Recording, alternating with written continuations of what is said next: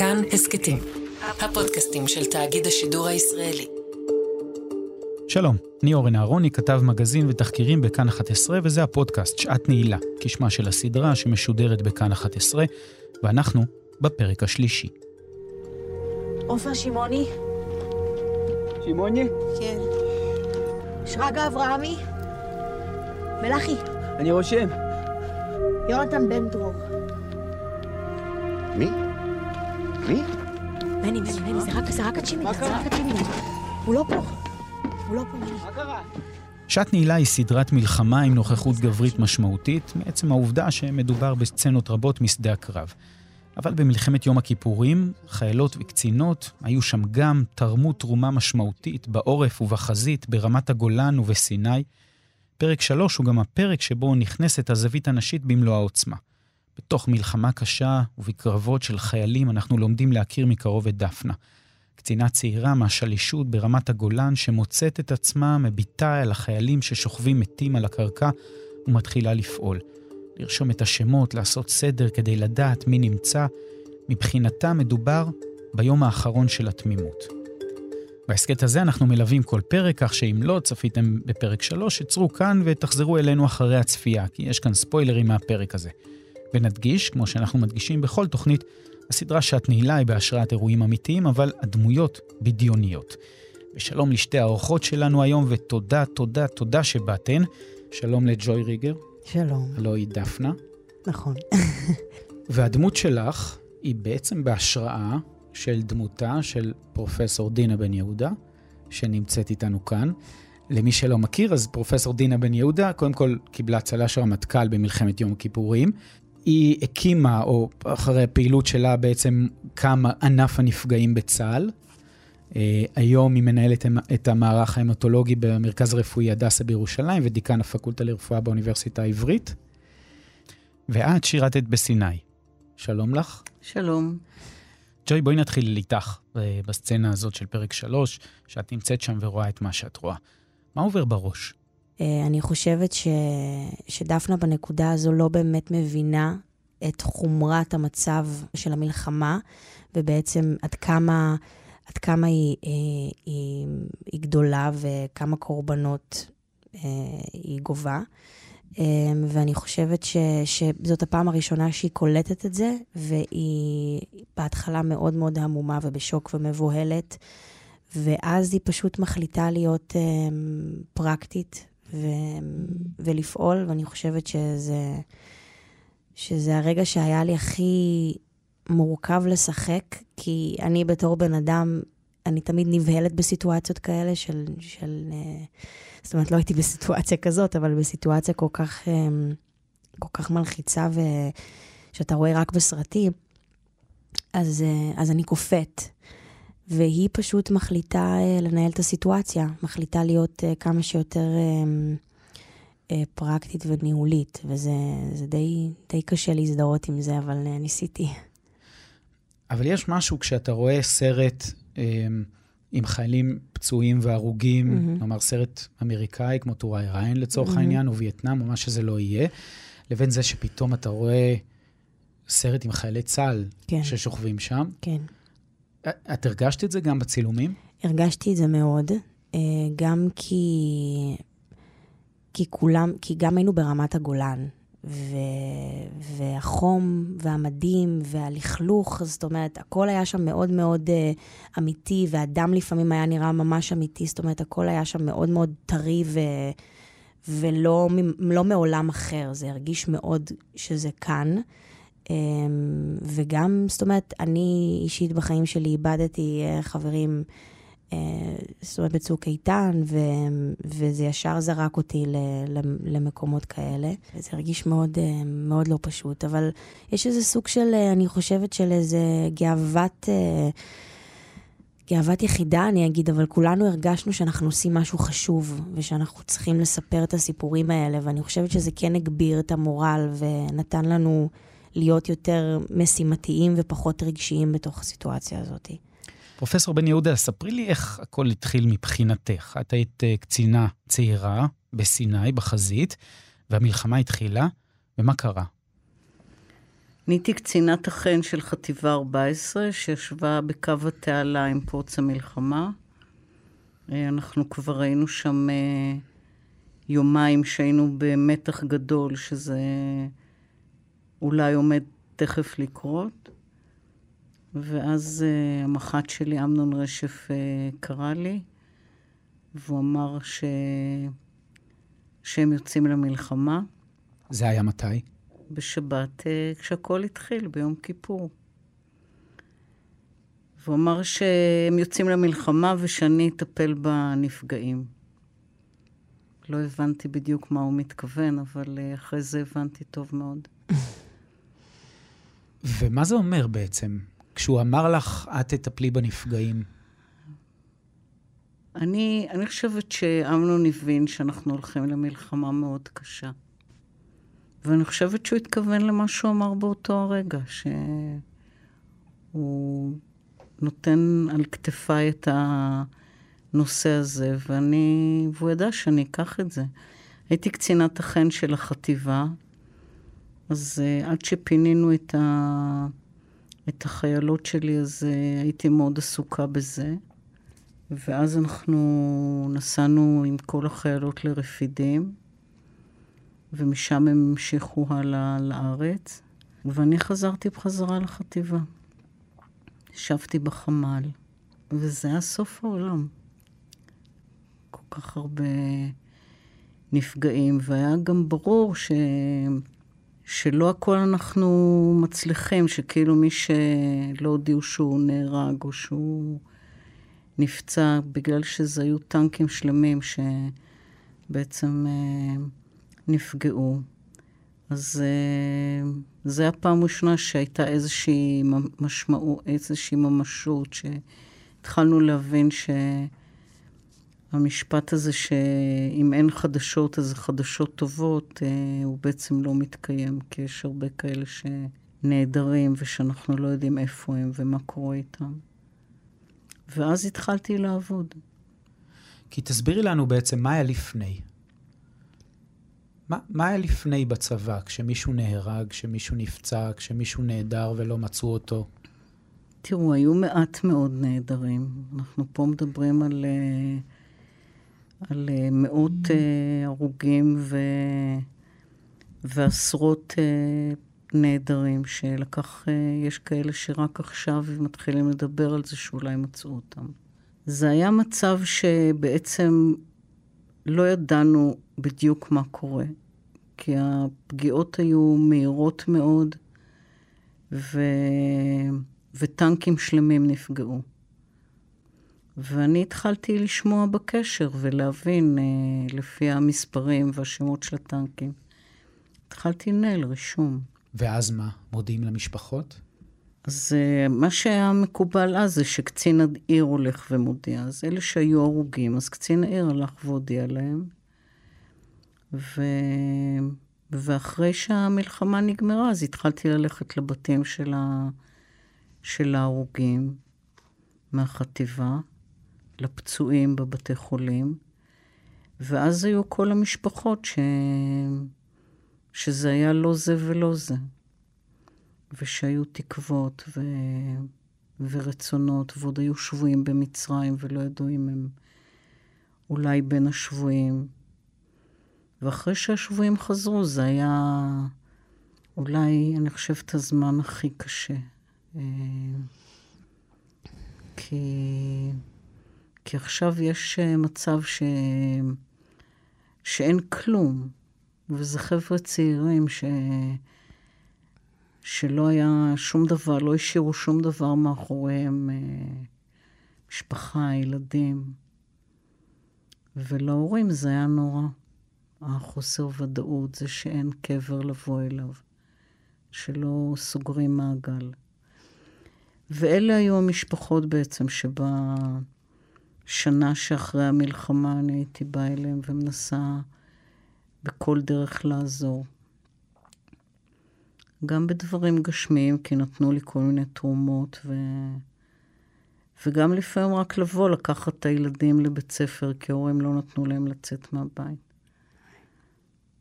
וזה מה שעשיתי. אני מנסה להבין את היכולת של נערה צעירה, בת 20, 21, 19, שמקבלת משימה כזאת מהמח"ט, בטח במלחמה כזאת ש, שהגיעה out of nowhere מבחינת החיילים, ואת כובד המשימה שאומרים לך, טוב, את צריכה לנהל בעצם את, ה, את החלק, את אחד החלקים הכי קשים. תראה, התשובה היא בשאלה שלך, זה הצעירות הזאת. אני אמנם גדלתי בבית שכול, כי אח שלי מת מסרטן כשהוא היה קטן, וגדלתי עם הורים שאיבדו ילד. אבל uh, הצעירות הזאת נתנה לי איזה מין כוחות כאלה, וחשבתי שאני מבינה, ו... אבל כשנולדה בתי הבכורה שיר, אני זוכרת uh, רגע שעמדתי ככה ליד החלון, הסתכלתי החוצה כשהיא על הידיים שלי, ורציתי לחזור לכל ההורים האלה ולבקש מהם סליחה. אתה לא, זה משהו שהוא לא נתפס. והצעירות שלי נתנה לי את הכוחות לעשות את זה. אה, היום כשאני מאבדת אה, חולה, אה, עם כל חולה, אני, אני נשברת קצת, אני... כל חולה זה עולם אה, קשה ביותר. לא הייתי מסוגלת היום לעשות את מה שעשיתי אז. והדבר הטוב שקרה, וזה בעצם אה, אולי הדבר הכי חשוב, זה שהמלחמה הזאת בעצם בנתה מערך ענק היום, שנפגשתי איתו לא פעם, של אנשים נפלאים, שתומכים אחד בשני, ושעובדים ביחד ועושים נפלאות. ממש מרגיש כאילו זה, ה... זה הייעוד שלך. זאת אומרת, אה, הרגשת, חשבת על זה פעם, ש... שמאז, שמאז שבעצם המח"ט שלך אה, ניגש אלייך, הוא בעצם הכתיב לך את הייעוד שלך, להציל, לעזור לאנשים. אה, כן, אני רציתי להיות רופאה כשהייתי בת שלוש. אז, אז הרבה לפני, את אומרת. כשאח שלי נפטר. אבל אה, בלי ספק שהמלחמה הזאת שרטה את כל בני גילנו. זו הייתה פעם ראשונה ש... שאנחנו היינו באיום קיומי במדינה הזאת. הייתם דור בעצם שגדל ששת הימים. אתם חבר'ה מתגייסים לצבא, אין על צה"ל, מדינת ישראל, כל יכול, כבר יבואו ו- ויגמרו פה את העסק תוך כמה שעות, ואת נמצאת ממש בחזית, ואת רואה גם את כל הזוועה הזאת ושומעת את כל הדברים, ובאיזה שלב בעצם הבנת ש, שהכמות הזאת של, של ההרוגים, של הפצועים, של, של מה שמגיע, של מה שמדווח, זה משהו אחר, הסיפור הזה. זה משהו שהמלחמה הזאת היא לא ששת הימים. תראה, החטיבה שלנו באמת אה, שכבה על הגדר. רוב הטנקים נפגעו בשעות הראשונות של המלחמה. אה, אחרי זה הגיע אריק שרון עם האוגדה שלו והצטרף, אבל... Uh, וזה נראה כמו... זה, זה היה לא נתפס. זה היה לא נתפס שזה קורה לנו. את היית האישה היחידה שחזרה בעצם אה, לחטיבה? את היית הבת היחידה שם? אה, בחטיבה כן. באוגדה היו, היו שתי קצינות נוספות, שגם אה, אסנת וגם רבקה, ש... גם הן אה, יצאו לבתי החולים ולמשפחות, mm-hmm. אבל בחטיבה הייתי הבת היחידה. ויש שלב בסדרה שאומרים לך, תלכי אחורה, כי אתם לא יודעים מה קורה פה, תכף הסורים מגיעים, ו- ואנחנו לא ניתן uh, שתיפלי בשבי. כן. אני הולכת וחוזרת. כן. כמו דינה. נכון. וזה משהו ש, שעלה גם אצלכם, הנושא הזה של אתם בחזית, ואם המצרים יבואו וחיילות ייפלו בשבי? בשביל זה גם היה, היו גם איומים כאלה בקשר, כי הם ידעו עלינו הכל. אה, מה הכוונה איומים? שהמצרים אה, דיברו בקשר ואמרו שהם יבואו ויקחו את החיילות ו... ויפגעו בחיילות. ואנחנו פינינו את החיילות מאוד מהר משם. יש חיילת אחת שלי שנפצעה, ענת יהלום, מגדוד 184, אבל השאר אה, חזרו בשלום. והמשפחה שלך באותו הזמן ידעה שאת שם, בחזית? זה אחד הדברים המדהימים, שהיום זה כל כך, אה, כאילו אם אני לא שומעת אה, מהילדות שלי כמה שעות, אז אני אומרת, מה? אבל מה אז קורה? היו עוברים ימים שלמים, ואימא שלי לא ידעה מה קורה ואיך קורה. אנחנו היינו כל כך אה, מנותקים. והיה עוד משהו שאימא שלי הייתה ניצולת שואה, והיא כל כך שמחה על צה"ל, כאילו, לא היה ספק שישמרו עליי. זה לא כמו שאנחנו עכשיו יודעים שהמפקד של הילד שלי יכול להיות אה, איזה ילד אחר, כן? אה, אז אנחנו יותר מתערבות, האימהות, ויותר ככה... אבל אז לא היה כזה דבר, בשבילה צה"ל זה היה הדבר הכי חשוב בעולם. יואו, זה ממש קטע שאת אומרת את זה, כי הייתה לי שיחה לפני הצילומים עם ירון, הבמאי, ואמרתי לו שאני חושבת, ש... ש... שאני חושבת שלדפנה, השם של הדמות, אה, יש משפחה ניצולת שואה. כי הרי כל הסדרה, את לא ממש, זאת אומרת, לפחות בפרקים הראשונים, את לא פוגשת את הרקעים של האנשים האלה, את פוגשת אותם רק במלחמה. ובעצם לא רואים מאיפה היא הגיעה. ואמרתי לו, אני חושבת שזאת בחורה שמה שמניע אותה זה זה שהמשפחה שלה היא, ניצול, היא ניצולת שואה, והיא רוצה פשוט, אה, יש לה איזה, איזה מנוע פנימי מאוד חזק. זה ממש זה קטע מאוד שזה... נכון. כן, זה ממש קטע שגם מבחינת... אה, זאת אומרת שגם איזשהו, באיזשהו מקום היא רגילה לשכול, אז, אז היא גם מסוגלת להתמודד עם הדבר הזה באיזשהו... באיזושהי קשיחות מסוימת אולי, או איזה קור רוח. זה נורא מעניין מה שאת אומרת, כי לפני אה, שנים ספורות הגיע אליי בלילה, סיימתי מרפאה ונכנסה מתמחה ממחלקת אה, ילדים. אה, רופאה צעירה שאני הכרתי, והייתי בטוחה שהיא באה אליי ככה בדחיפות כי קרה משהו. לה, למישהו מהמשפחה. והיא נכנסה אליי לחדר והיא אמרה לי, לבן שלי יש בר מצווה. ו... ואבא שלי שירת בחטיבה 14, ובבית היה טאבו, אסור היה לדבר על המלחמה. ואני רוצה שתעזרי לי למצוא אנשים שיספרו לי אם הוא אוהב ללבוש ג'ינס, אם הוא לבש כובע, איזה מוזיקה הוא אוהב. שאני אוכל לספר את זה עכשיו לנכד שלו. וכשהיא אמרה את זה שאסור היה, שזה היה טאבו, שאסור היה לדבר על המלחמה הזאת בבית, אז uh, זה החזיר אותי לזה שגם על השואה אסור היה לדבר אצלנו בבית. אני יודעת כי גם אה, סבא, הסבא שלי ניצול. ו- ואת אה, היית בסיני מאז? אף אחד לא ישכנע אותי לחזור לשם. אף פעם לא נסעתי לשם.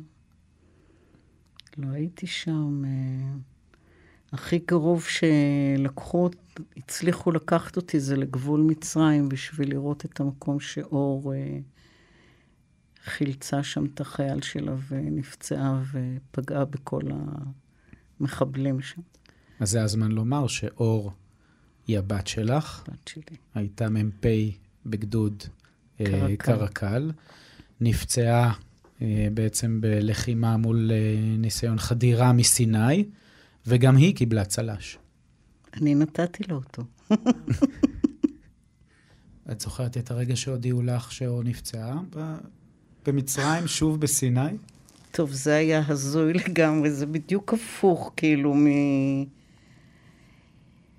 אני ככה, אני עובדת, אני עם חולים, ואני מקבלת טלפון מנדב שאז חבר שלו, והוא אמר, דינה, אל תיבהלי, אה, אור נפצעה, אבל דיבר, שמעתי אותה בקשר, הוא היה מ"פ קרוב אליה, היום זה בעלה. ואנשים שראו אותי ככה מסביב, אז הם הבינו שמשהו נורא קרה, וירדתי למשרד שלי, ואני פותחת ynet ואני רואה את הילדה שלי על אלונקה. ואני הייתי בטוחה שיש לה מלא דם ב... בראש. אחרי זה הצטבר שהיה כתוב שם באדום אה, שהיא קיבלה מורפיום בשטח. ואני רואה שזה יד ימין, ואני רואה את היד שמוטה. הכל כאילו תקשורת. הכל ב... בלייב. כן.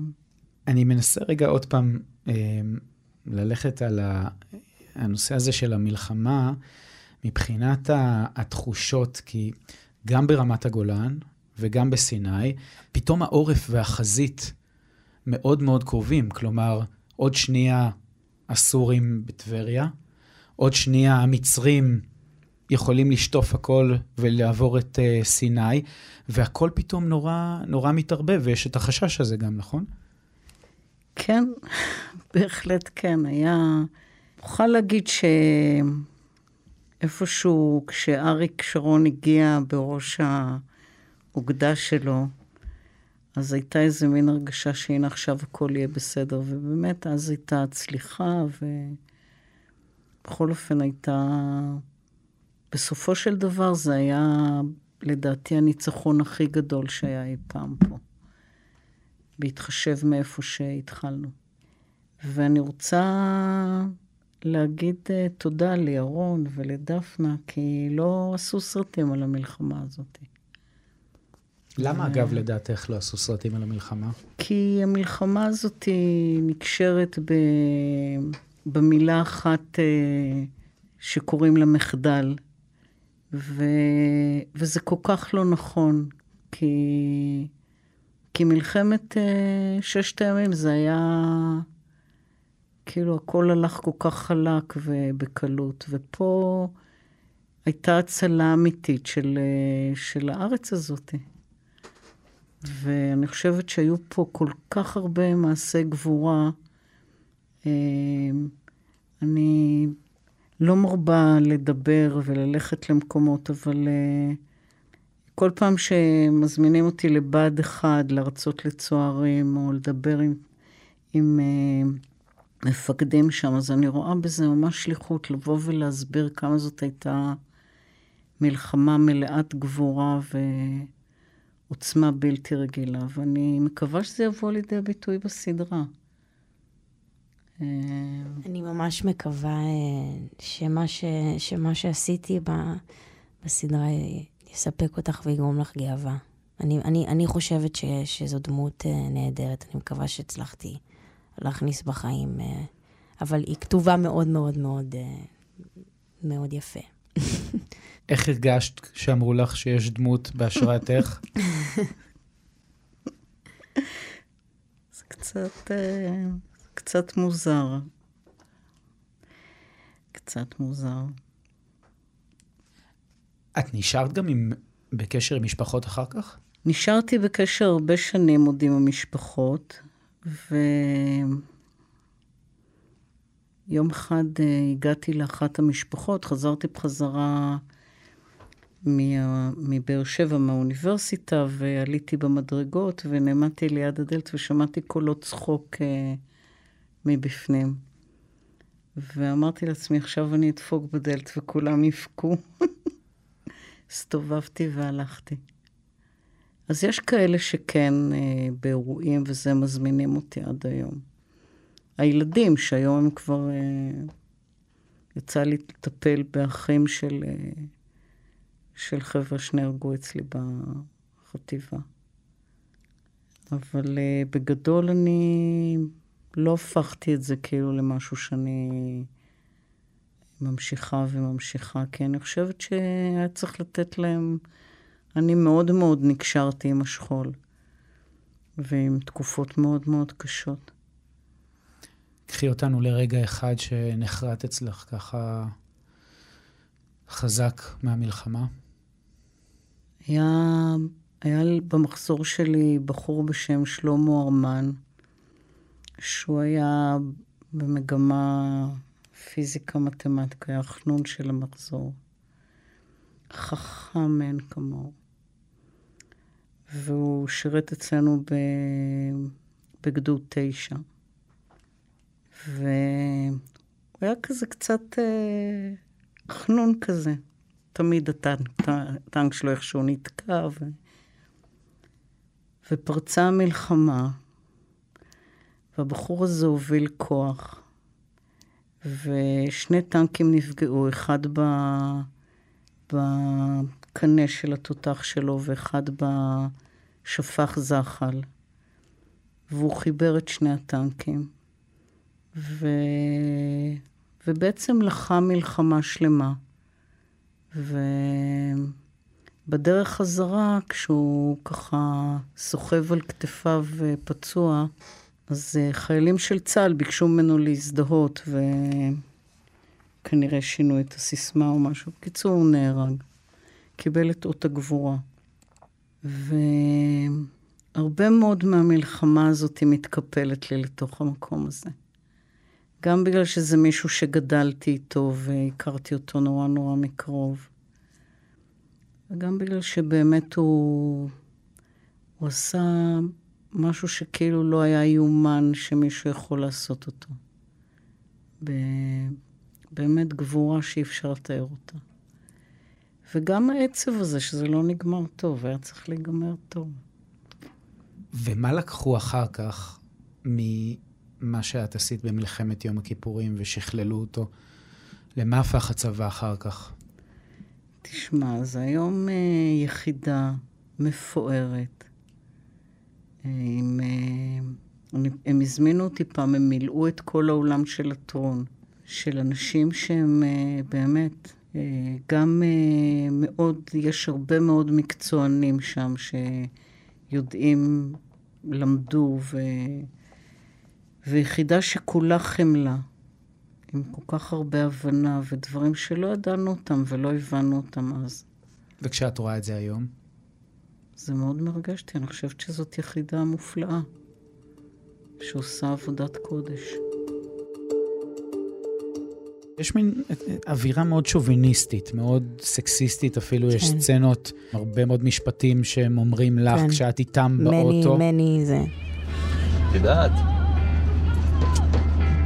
יש לך פנים של ענת, אבל גוף של אורית. כן. דפנה. מלאכי, תצדיע לסגן דפנה. אני מצדיע מהרגע שנפגשנו, נשמה. יש לך פרצוף של אה, ענת וגוף של... אורית, כן, ו- כן, משהו כזה. ומלאכי כן. גם, שהוא, שהוא מרגיש בהצדעה. כן. איך הרגשת אז? תראה, זה, זה באמת תקופה נורא נורא פוליטיקלי קורקט בקטע הזה, אז כאילו מאוד ניסיתי אה, להתעלם אה, מהרגשות הפמיניסטיים ש, שעלו בי כששמעתי את הדברים האלה, זה גם התקופה, אז כאילו אני, אני לא ממש יכולה להתנגד לזה, וגם הרגשתי שהתפקיד הוא כל כך אה, פורץ דרך בפמיניסטיות שלו, ואני באמת האישה היחידה בסט של גברים. זאת אומרת, יש, יש, עוד, יש עוד תפקיד של בחורה, אבל אני באמת כאילו בתוך, ה, בתוך השטח, בתוך, ה, בתוך המלחמה. אז כאילו הרגשתי שהתפקיד כל כך פורץ דרך, והוא כל כך uh, מלא ב, ב, באידיאולוגיה ובאיזה גאווה כזאת נשית, שהחלטתי כאילו להחליק על הדברים האלה. על המשפטים הקטנים האלה, וגם, אתה יודע, זה חלק מה... זה, זה נורא להגיד, אבל זה חלק מההומור של התקופה הזאת. זה, זה כאילו... זה כאילו חלק מהדבר, אז, אז החלטתי לא לה... אני גם בתור שחקנית מנסה כמה שפחות אה, להיכנס לאג'נדות אה, פוליטיות בתוך... כשאני מגלמת דמות מתקופה אחרת, ממקום אחר, זאת אומרת, זה הסיפור שלה, זה פחות הסיפור שלי כאדם, אתה מבין? אז... זה היה סט צילומים מאוד קרבי. Mm-hmm. וגם התנאים שם. Mm-hmm. תכניסי אותנו קצת למאחורי הקלעים, למה שעברתם שם, השחקנים. אז זהו, שלא היו ממש מאחורי הקלעים. אווירה מטורפת של, של כולם בחוץ, דם, פציעות, טנקים, שריפה, יש שם אפילו אה, דברים שהתפוצצו, כאילו, כאילו ממש הרגשנו כולנו בתוך איזה סרט אקשן, וגם המכונית הזאת, התקופתית, כאילו, הכל שם היה... זה היה ממש, ממש הכניס אותנו לתוך הדבר הזה, וזה... זה ממש מטורף, זה, זה היה נראה מדהים גם כשצילמנו את זה. זהו, זה גם משהו שלא ממש עשו בארץ עד היום. כן. בטח לא לתאר מלחמה. כן. ברמה כזאת. זה איזשהם דברים שעברתם לפני ברמת התחקיר או ברמת ההכנות שלכם, כדי, אוקיי, זה משחק של מלחמה, ו- וזה לא משהו שעשו, כן. ואיך אנחנו מתמודדים עם זה? אני חושבת שהבנים עברו יותר מבחינת חיול באמת, אה, ונשקים וטנקים וזה. אני יותר עברתי, אה, ראיתי המון המון סרטונים וקראתי המון המון דברים על התקופה, ובכלל על גם נשים בתקופה הזאת. אה, אז היה לי פחות, וכמובן גם את סיפורה של דינה, אבל והיום כשאת שומעת את הסיפור של דינה, האמת שהסיפור מרגש אותי מאוד, גם כי, גם כי אני רואה כמה אמוציות יש באישה, באישה הזו, כלפי, כלפי, כלפי המלחמה, כלפי הארץ, כלפי המשפחות, כלפי הילדים שלה, כלפי המשפחה שלה. היא פשוט אה, אישה מעוררת השראה, ממש. גם הרצון שלה לפתח ולעזור ו- ו- ולהציל, זה כאילו... זה ממש דפנה, זה ממש ממש זה. אני, אני שמחה לפגוש אותה, אה, כי אני שמחה לראות כמה נשארנו צמודים לסיפור שלה, לסיפור של עוד המון נשים כנראה ש, ש, שהיו בתקופה הזאת, וזה מדהים. נשים, אנשים, זה, זה, זה באמת, אה, זה מצמרר. אני מקווה שאנשים יראו את הסדרה וירגישו... אתה יודע, אנשים שהיו בתקופה הזאת, ירגישו שעושים איתם חסד, שנותנים להם כבוד, שמספרים את הסיפור שלהם בגאווה. אמ, מרגש. דינה וג'וי, תודה רבה שבאתם. ואנחנו נתראה בפרק הרביעי של הפודקאסט.